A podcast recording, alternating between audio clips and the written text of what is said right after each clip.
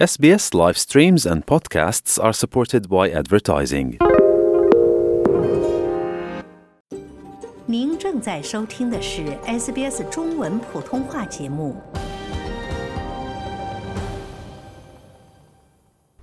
二月十八日星期日，正值大年初九，在维州墨尔本东南区 Glenwaverley 举办的新年元宵庆祝活动热闹非凡。在 Kingsway 上，大红灯笼高高挂起，营造出了浓厚的节日氛围。观众们纷纷驻足观看现场表演，其中既有传统的舞龙舞狮，也有当地组织与社团带来的精彩演出。美食摊位上，香气四溢的特色小吃吸引了众多的食客，而捞鱼生和画团扇等等民俗活动更是年味儿十足。活动当天，墨尔本洪德国术会带来了精彩的高桩舞狮表演。只见灵狮在高高的桩上跳跃，每一个动作都矫健而有力。两位舞狮者们默契配合，将狮子的灵动神态表现得淋漓尽致。在演出后，两位表演者接受了 SBS 的采访。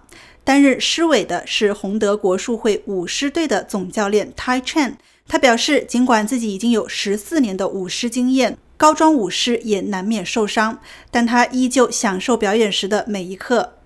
Uh, so I used to practice as a lion head. 我以前一直练的是狮头，去年年初才换成了狮尾。我们已经坚持训练了大约有六个月。是的，我们会尽可能多的进行训练，以确保安全。而且我们一直有设观察员和软垫。舞狮最困难的部分可能就是受伤吧，需要一点时间来恢复。有时你根本没有太多时间恢复，所以只能尽力而为。但我很喜欢在舞台上的感觉。当你听到人群的欢呼声时，一下子就真的振奋起来了。这种感觉真的很好。而担任狮头的 Eric 表示，自己目前还没有告诉家里人自己正在练习有一定危险性的高桩舞狮。但今天的表演大获成功后，或许他会找机会向家人坦白。At first, I was like still shaking at at first. 一开始我还在发抖，因为真的很紧张。但一旦我们进入了状态，我就真的全神贯注了。我现在是偷偷的在做高桩舞狮，家人不知道。也许今晚我会给他们看我的表演视频吧。这次活动不仅吸引了维州众多当地民众的热情参与，更汇聚了来自不同族裔的面孔。一位当地民众身着狮头 T 恤，带着孩子共同观看舞狮表演。他对 SBS 普通话说：“自己那尚在牙牙学语的孩子最喜欢看舞狮了。”他表示，之后可能还会考虑送孩子去学习舞狮。约有百分之二十华裔选民的维州 Chisholm 选区议员卡瑞娜·加兰德对 SBS 说：“Chisholm 当地有着繁荣的华人社区，他深知华人社区为澳大利亚做出的贡献。”也很荣幸能够参与本次格兰威弗里的农历新年庆祝活动。I think uh, one of Australia's greatest strengths.